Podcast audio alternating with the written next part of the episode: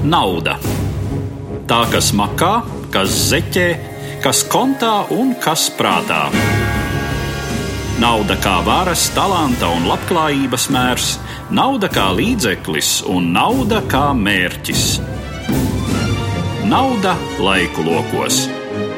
Finanšu vēsture plašākā ekonomiskā, politiskā un kultūras kontekstā sarunās ar Eduardu Liniņu. Katra mēneša pēdējā trešdienā. Raidījums top sadarbībā ar Latvijas Banku. Labdien, cienījamie klausītāji! Turpinot mūsu raidījumus Nauda laiku lokos, šajā gadā mēs palūkosimies uz naudu plašākā nozīmē, proti uz naudu kā ekonomisku, kā politisku un kultūrālu faktoru vēstures gaitā. Un šodien palūkosimies uz to, kādas finanšu sistēmas, kādas ekonomiskās sistēmas un spēki darbojās Eiropā viduslaikos. Un mans sarunbiedrs šodien ir vēsturnieks Latvijas Universitātes vēstures un filozofijas fakultātes profesors Andris Levāns. Labdien! Labdien! Mēs atstājam malā agros viduslaikus, kad jāsaka, vairākus gadsimtus Eiropa iztika teju vai tikpat kā bez naudas un tikpat kā bez tirdzniecības, sabrūkot sistēmai, kura bija balstījusies Romas impērijas politiskajā varā un sabiedrības iekārtā un veidojoties pavisam jaunām valstu struktūrām un jaunām attiecībām. Tātad sāksim ar to brīdi, ar kuru mēs saistām rakstītās vēstures sākumu Latvijā un Baltijā. Tātad tas ir 12. gadsimts, 13. gadsimta sākums, kas Eiropas vispārējā vēstures gaitā atbilst jau attīstītajiem vai nobriedušajiem viduslaikiem. Un vispirms mums būtu jāraksturo vispārējās tās sociāli politiskās attiecības un sabiedrības struktūra, kāda tā tolaik Eiropā bija.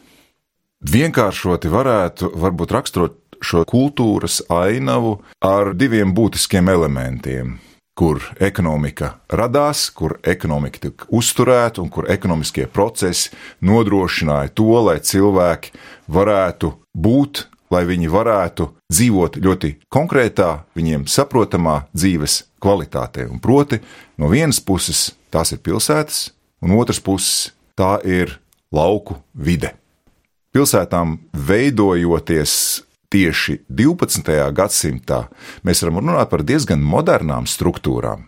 Jo proti, tur ir sava elite, sava ekonomiskā, sava politiskā elite. Bieži vien šīs politiskās un ekonomiskās elites rokās koncentrējas arī finansu resursi. Un ne tikai finanšu resursi, proti, tie ir arī tiesiskie, proti, likumdošanas resursi. Tas nozīmē, ka šī ļaužu grupa spēja arī kontrolēt naudas plūsmu un visus tos procesus, kur piedalās nauda. Tie ir visi tie procesi, kas patiesībā nodrošina to, lai šī sistēma kopumā varētu eksistēt. Tātad pilsēta kā tāda, lai varētu baznīcas institūcijas kā tādas eksistēt, un, protams, arī, ja mēs runājam par situāciju, kur zemes kungs, ja tas būtu hercogs vai tas būtu karalis, ir vienlaicīgi arī ne tikai zemes, bet arī pilsētas kungs, tad lai arī šis pilsētas kungs iekļautos šajā ekonomiskajā, šajā saimniecības struktūrā. Šajā gadījumā gan jāsaka tā kā augstākā laicīgās likumdošanas vara. Tad mēs šeit runājam par to, ka naudas attiecības no likumu, no tiesību ietvara nav patiesībā nodalāmas. Un tad ir otra, lūk, ļoti specifiska vide, un tie ir lauki, kur bieži vien mēs redzam, naudai kā tādai ir visai maza ietekme uz tiem procesiem, kas tur notiek. Jo proti, zemniekam ir jāapstrādā zeme, tajā zemē ir jāliek graudi, lai tie aug un lai var novākt vienreiz vai divreiz gadā ražu. Pilsēta nespēja eksistēt tikai viena pati. Pilsētā cilvēkiem ir jāēd. Pastāv, varētu teikt, simbiotiskas, nedalāmas kopā esības attiecības starp pilsētu un laukiem, kur laukiem ir jāražo pārtikas produkti, kuriem noiets, protams, notiek pilsētā un caur pilsētu. Jo, ja mēs runājam par eksportu, ja mēs runājam par Franciju, Dienvidfranciju, Itāliju, skaistas vietas, daudz vīnogu, daudz vīna, un vīna eksports notiek caur pilsētu. Tādā veidā, protams, arī lauki tiek pie naudas, kas 13. gadsimta gaitā šo vidi monetarizē. Runājot par viduslaiku sabiedrību, mums tā tēlojas no vienas puses ļoti hierarhiska, Protams, un arī dzen no mūsdienu viedokļa raugoties ar izteiktām šīm sociāli nošķirošajām robežām. Salīdzinoši, teiksim, ir maz tādu sociāli politisku liftu, ar kuru palīdzību indivīds var mainīt savu kopš dzimšanas viņam piederīgo sociālo statusu.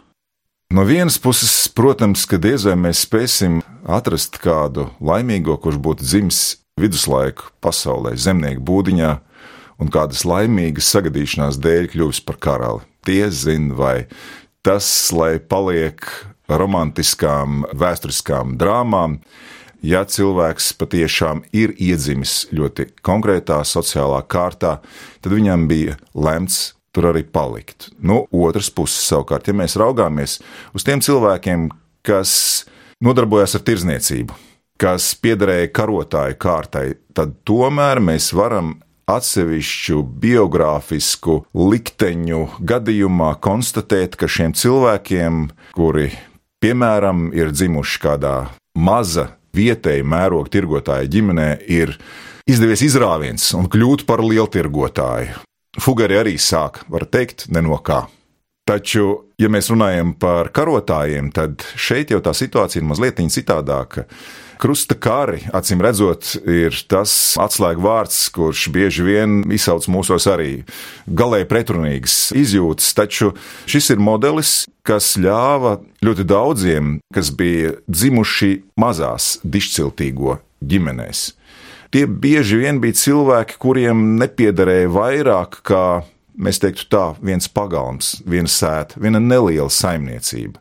Viņš bija vasalis kādam lielākam lēņa kungam, un tajā brīdī, kad 12. gadsimts, protams, 13. gadsimts, 13. gadsimta sākums, tas bija tas pacēluma laiks krustakara kustība Eiropā, un ja kāds no šiem mazajiem, dišciltīgajiem no šiem ministeriāļiem devās līdzi savam kungam, grāfam, hercogam, tad ļoti iespējams svētajā zemē, un negluži bez laupīšanas, ja viņš palika dzīvs, viņam uzsmaidīja ļoti iespējams fortūna, un šis cilvēks kļuva no maza dišciltīgā par hercogam, iespējams pat karalim, īpaši pietuvināta persona, kas tādā veidā ļāva viņam aiziet jau citā orbītā.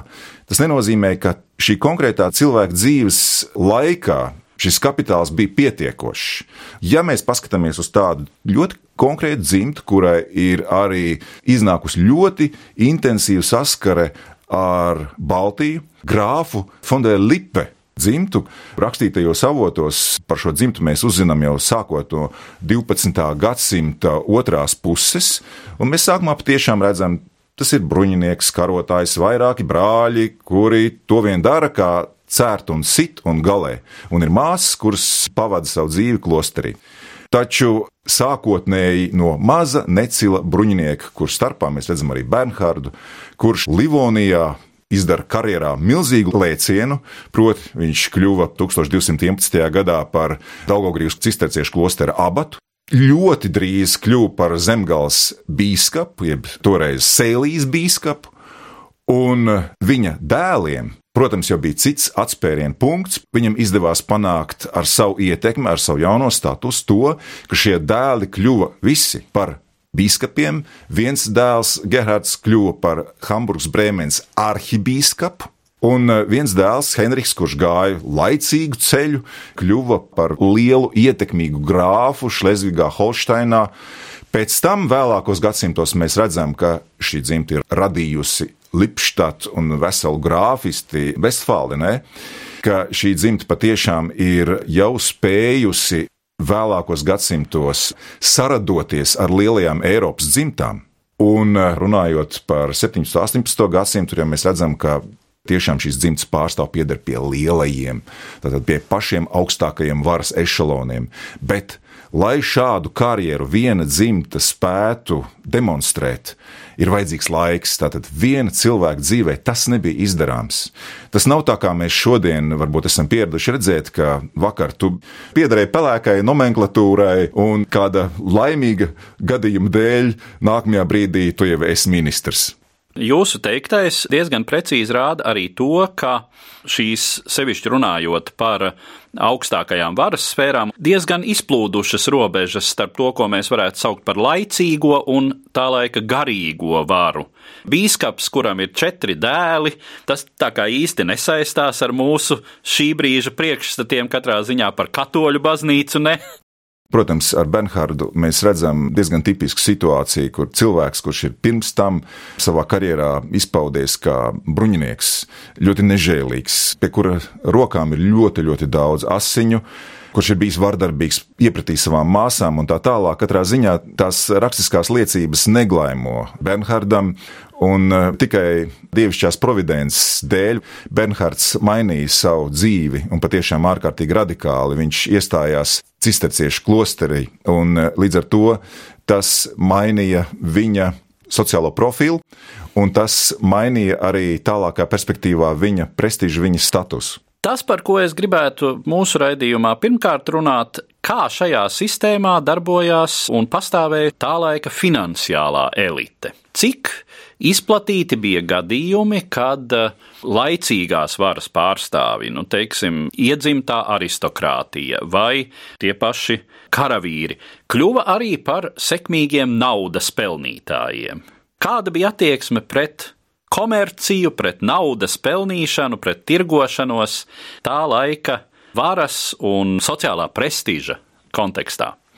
Protams, šeit ir divas lietas. Pirmkārt, ja mēs raugāmies uz tiem, kuri tomēr spēj ietekmēt likumu došanu un kuri paši realizē likuma devēju varu, tad šie ir arī tie cilvēki, kuriem ir jābūt ļoti tuvām un skaidrām attiecībām ar ekonomiskiem procesiem, ar naudu. Beigu galā Viņa panākumi ir atkarīgi no tā, cik veiksmīgi viņi spēja nodrošināt to, lai viņiem pietiek naudas savu politiskā vai savu juridiskā statusa, sava prestiža nodrošināšanai. No otras puses, mēs redzam arī to, ka tieši šī politiskā baznīcas un tiesu elite nespēja iztikt bez tādas ļaužu grupas, un te atliek vien atgādināt to, ka viduslaika sabiedrība ir pietiekoši segmentēta. Tas nozīmē, ka katrs dara savu darāmo. Tad nevar un nedrīkst pat iztikt bez tādas ļaužu grupas kā tirgotāji. Tirgotāji ir tas motors, kas virza un vada viduslaiku sabiedrību. Tieši tirgotājs ir tas, kurš spēj realizēt to, ko cilvēki rada laukos, to, ko cilvēki, respektīvi šajā gadījumā amatnieki, rada pilsētās. Bez tam, pateicoties tirgotāju iegūtajai naudai, spēj notikt politiskie un baznīcas politiskie procesi. Nu, ja mēs padomājam par tādu parādību, kur jau es pieminēju, krustakara kustība, Tā nav iedomājama bez ārkārtīgi milzīga kapitāla ieguldījuma. Un, ja mēs jautājam, kam tad īsti ir tik daudz naudas viduslaika Eiropā 12. un 13. gadsimtā, vai tiešām tā ir Romas katoļu baznīca? Nu, protams, ka nē, vai tie ir hercogi? Nu, protams, ka nē, vai tie ir karaļi? Nu, bet, protams, ka nē, tie ir tirgotāji. Jā, tirgotāju faktiski izveidotas valstiskas struktūras. Ja mēs runājam par vidusjūru, tad tās Protams. ir pirmkārt divas lielās Itālijas tirgotāju pilsētas, Venecija un Dženova. Un, ja mēs runājam par Baltijas krustakariem, tad tā ir mums labi zināmā Hanza. Tā ir Hanza un tā ir Rīga. Jo Rīgai bija lemts kļūt ne tikai garīgo, ne tikai par baznīcas metropoli, bet arī par naudas metropoli. Šodien Hanzas pētniecība ir daudz piesardzīgāka pierakstot visus laurus un nopelnus Rīgai, tad mēs redzam, ka Rīgai sākotnēji bija milzīga loma, dodot šos impulsus, kur tālāk tika uztverti un ārkārtīgi veiksmīgi attīstīt Rēvelē, šodien Stalinā, Tērbatā un vēl citās eh, Livonijas pilsētās, tādā veidā kļūstot par artērijām, par sirdīm Livonijai. Mēs varam par daudz sirdīm runāt, katrai ir savs pukstu ritms, bet tas viss skan vienā melodijā. Un, ja mēs ieklausāmies, kas ir šī melodija, tad mēs sadzirdam vārdus - nauda. Nauda laiku logos. Sarunas ar Eduardu Liniņu par finanšu vēsturi plašākā ekonomiskā, politiskā un kultūras kontekstā. Raidījums top sadarbībā ar Latvijas Banku. Rīgas biskups Alberts 1211. gadā, kad viņš piešķīra privilēģijas gotu tirgotājiem, biskups Alberts saka, viņi ir tie, kuri man palīdz, kuru nauda man palīdz būt par pagānu vadītājiem Kristū pretī ticībai un kvadrāti iekavās lasi un arī nodrošināt veiksmīgu man politiku. Jā, tas ir ļoti būtisks mūsu vēstures izpratnes aspekts. Mēs Baltijas krusta karus un šī viduslaiku valstiskuma izveidošanos šeit pirmkārt saistām ar kristietības izplatīšanos, tātad ar pasaules uzskata aspektiem. Mēs diezgan labi saskatām šos ģeopolitiskos aspektus, tātad varas sfēru sadalīšana starp potenciāli pareizticīgi bizantisko Eiropas daļu un katoliski rietumniecisko, bet eh, kaut kur varbūt es teiktu, ēnā drusku paliek šis tomēr ļoti nozīmīgais ekonomiskais aspekts. Tātad šie centieni un šīs iespējas šīs zemes dabas resursus, darba spēka resursus konvertēt naudas izteiksmē, kura līdz tam šeit bija, es teiktu, diezgan margināla. Nu, cik mēs varam spriest par Baltijas vēsturi pirms krustnešu invāzijas, attiecīgi iekļaušanās Rietumē Eiropas politiskajā, ekonomiskajā apritē. Protams, šeit jāņem vērā ir ārkārtīgi uzsvērti laikam gan tas, ka Protams, tas ir rietumu ekonomikas modelis, rietumu saimniecības modelis, kas līdz ar cilvēkiem nonāca arī Austrumbaltijas telpā, kur, protams, ārkārtīgi liela loma, sākot jau ar 13. gadsimta pirmo pusi ir naudai. Jebkura pārvietošanās ar kuģi, jebkura cilvēku, preču, lietu pārvadāšana pāri jūrai maksāja naudu.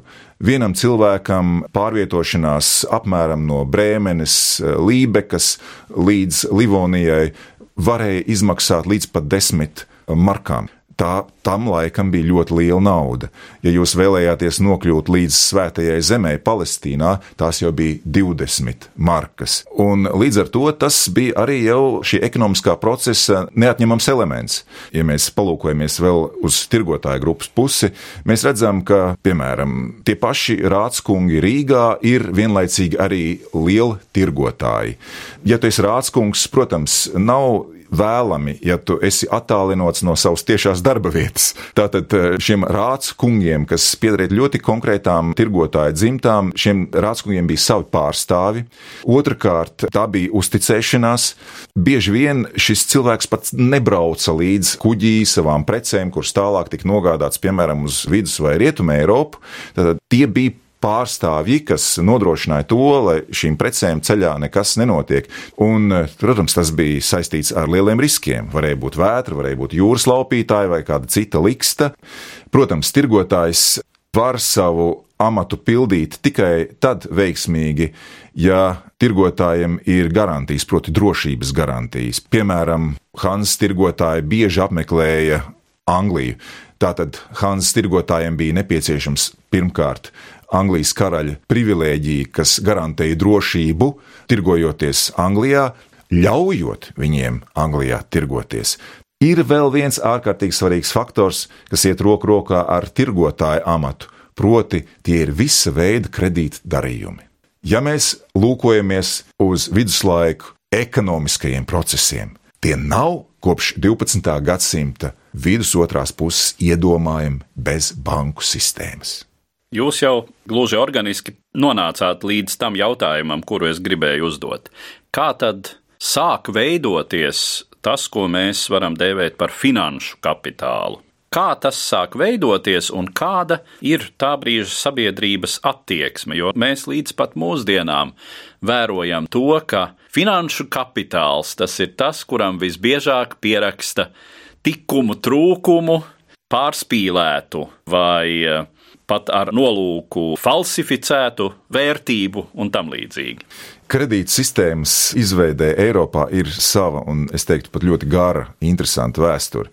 Protams, mēs varētu šajā vietā atskatīties arī uz jaunās derības, proti, Bībeles tekstos teikto par to, kā tiek naudas mieeji padzīti no dievnam, kur tiem nav vietas, un līdz ar to mēs runājam par baznīcas un naudas attiecībām. Proti, ka baznīca nepiedalās šajos naudas un kredīta darījumos.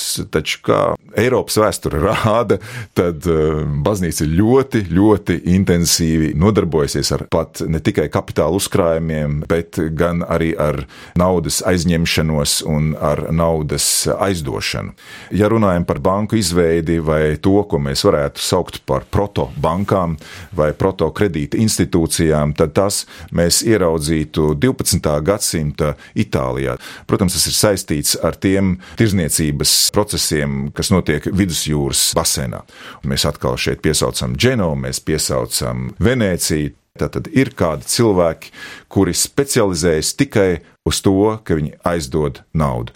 Konkrētāk, tad mēs ieraugām, piemēram, Dienviditālijas pilsētās ļoti labi asimilējušies jūdi, kuri lūk, bez morāles un ētikas aizrādēm nodarbojas ar naudas mīšanu. Šekspīram ir brīnišķīgā lūga Venecijas tirgotājs, kur ir šeiloks, kas taču ir gatavs no sāna izgriezt kādam savam parādniekam lielu gaļas gabalu.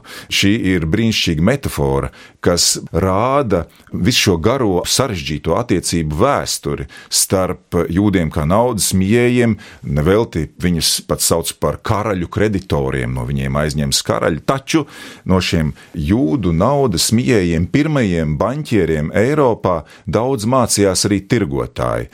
Nevelti mēs paraugamies uz tādām dzimtām kā Fugeri vai Medici, tad šie sākotnēji mazie tirgotāji izvērsa savu darbību visā Itālijā un ne tikai Itālijā, bet arī tālu ārpus tās, pateicoties kreditēšanai. Tirgotāju pilsētu pilsētu, hercogu, karaļu kreditēšanai. Kāda interesanta situācija, ko mēs varam arī Hanzas telpā vērot, un proti Hildebrands Fekinghūzens, kas sākotnēji ir nācis no Lībekas, Dortmundas, kopš 1398. gada Rīgas pilsonis, kura ģimene, sieva un meitas dzīvoja Rīgā.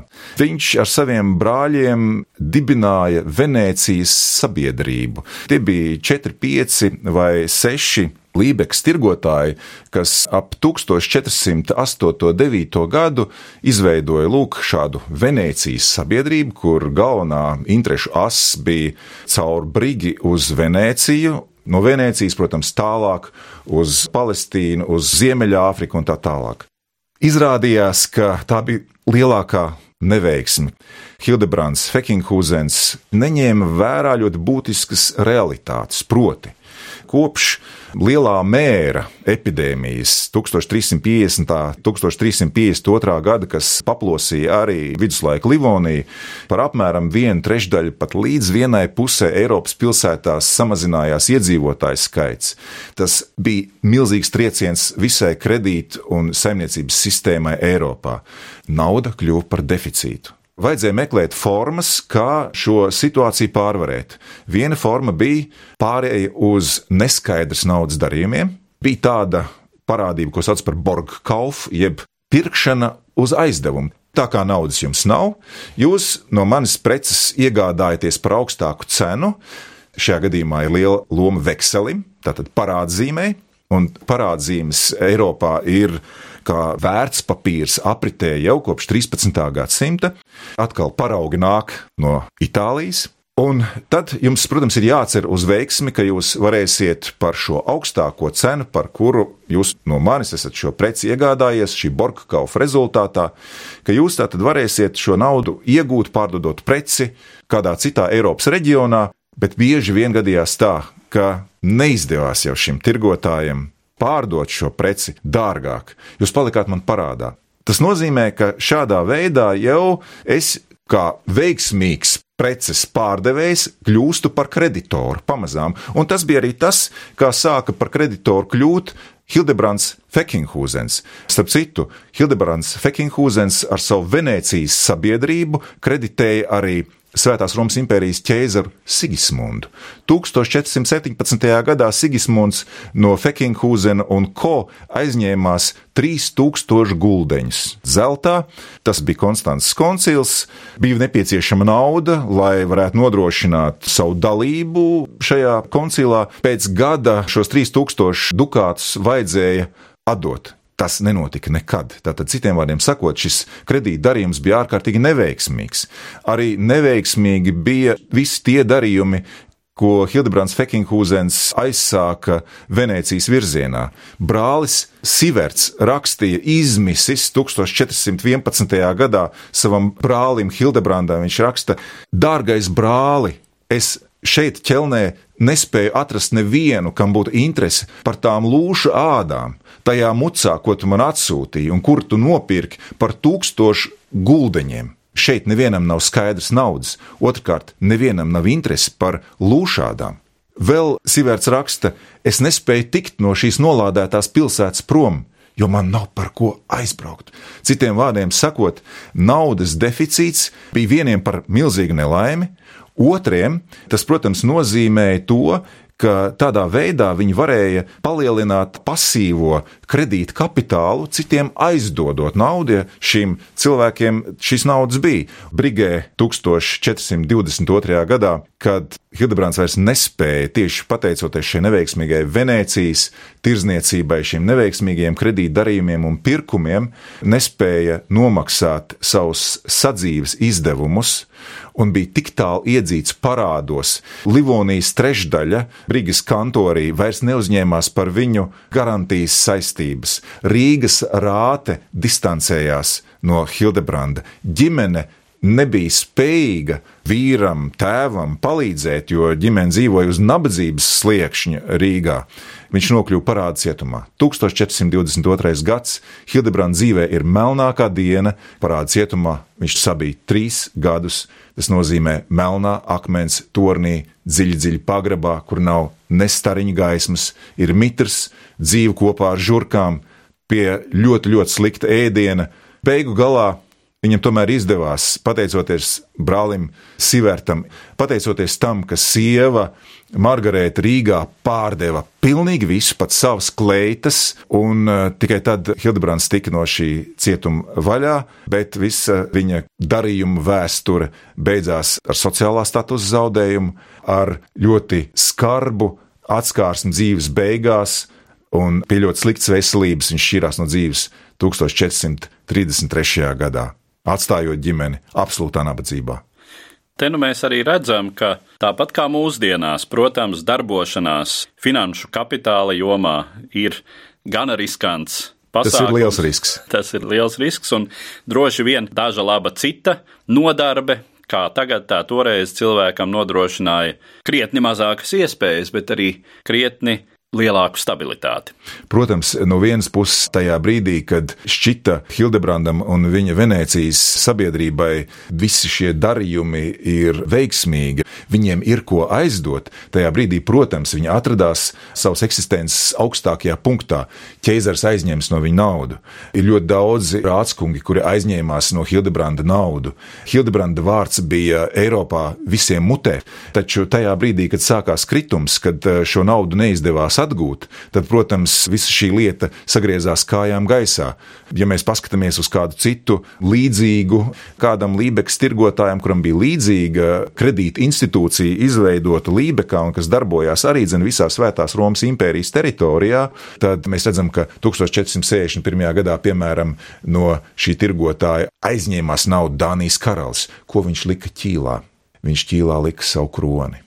Un jūs iedomājaties šo situāciju ka vienai nelielai tirgotāju kredīta sabiedrībai pēkšņi ir milzīga ietekme uz Dānijas karali, uz Dānijas karaļa galvu, patiesībā uz Dānijas politiku. Tātad Hanzas tirgotāji šādā veidā maksimizēja savu ietekmi uz politisko Eiropas eliti. Protams, vienā gadījumā ļoti veiksmīgi, kā Dānijas karaļa un šīs Lībekas kredīta institūcijas gadījumā, un ļoti neveiksmīgi Hildebranda Vekinghūzena gadījumā, kur nebija lūk šīs ķīlas pretī. Tur bija lūk šī džentlmeniskā vienošanās, nu taču ķēzars. Ķēzars atdos. Un ķēzari un karaļi mēdza neatdot, vēl jau vairāk mēdza arī reizēm diezgan brutāli aptīrīt savus kreditorus. Tieši tā. Viņi vienkārši atļāvās neatdot, zinādami, ka viņi ir neaizskarami, kā būtu bijusi iespējamība atgūt šo aizdoto naudu, tas būtu bijis caur tā saucamo kamerālu tiesu, impērijas kamerālu tiesu. Nu, bet palūkosimies, kurš ir kamerālu tiesas priekšsēdētājs? Ķēzars. Vai tad viņš lems tiesu par sliktu sev? Protams, nē, un to mēs arī redzam no sarakstes, kuru Hildebrands Fekinghūzens un viņa pārstāvi veda ar ļoti ietekmīgiem ķēzara kūrijas pārstāvjiem un ar kamerāltiesas pārstāvjiem, kur viņam jau prognozēja absolūts neveiksms un vēl lielāks finanšu zaudējums. Droši vien ar šo stāstu par eh, viduslaiku finanšu kapitāla attiecībām ar tā laika politisko varu mēs arī varētu noslēgt mūsu šodienas sarunu, kas bija veltīta finansēm, naudai vēlajos viduslaikos, un es saku paldies manam sarunbiedram, vēsturniekam, Latvijas Universitātes vēstures un filozofijas fakultātes profesoram Andrim Levānam. Paldies! Katra mēneša pēdējā trešdienā raidījums Nauda laiku lokos. Sarunas par finanšu vēsturi sadarbībā ar Latvijas Banku.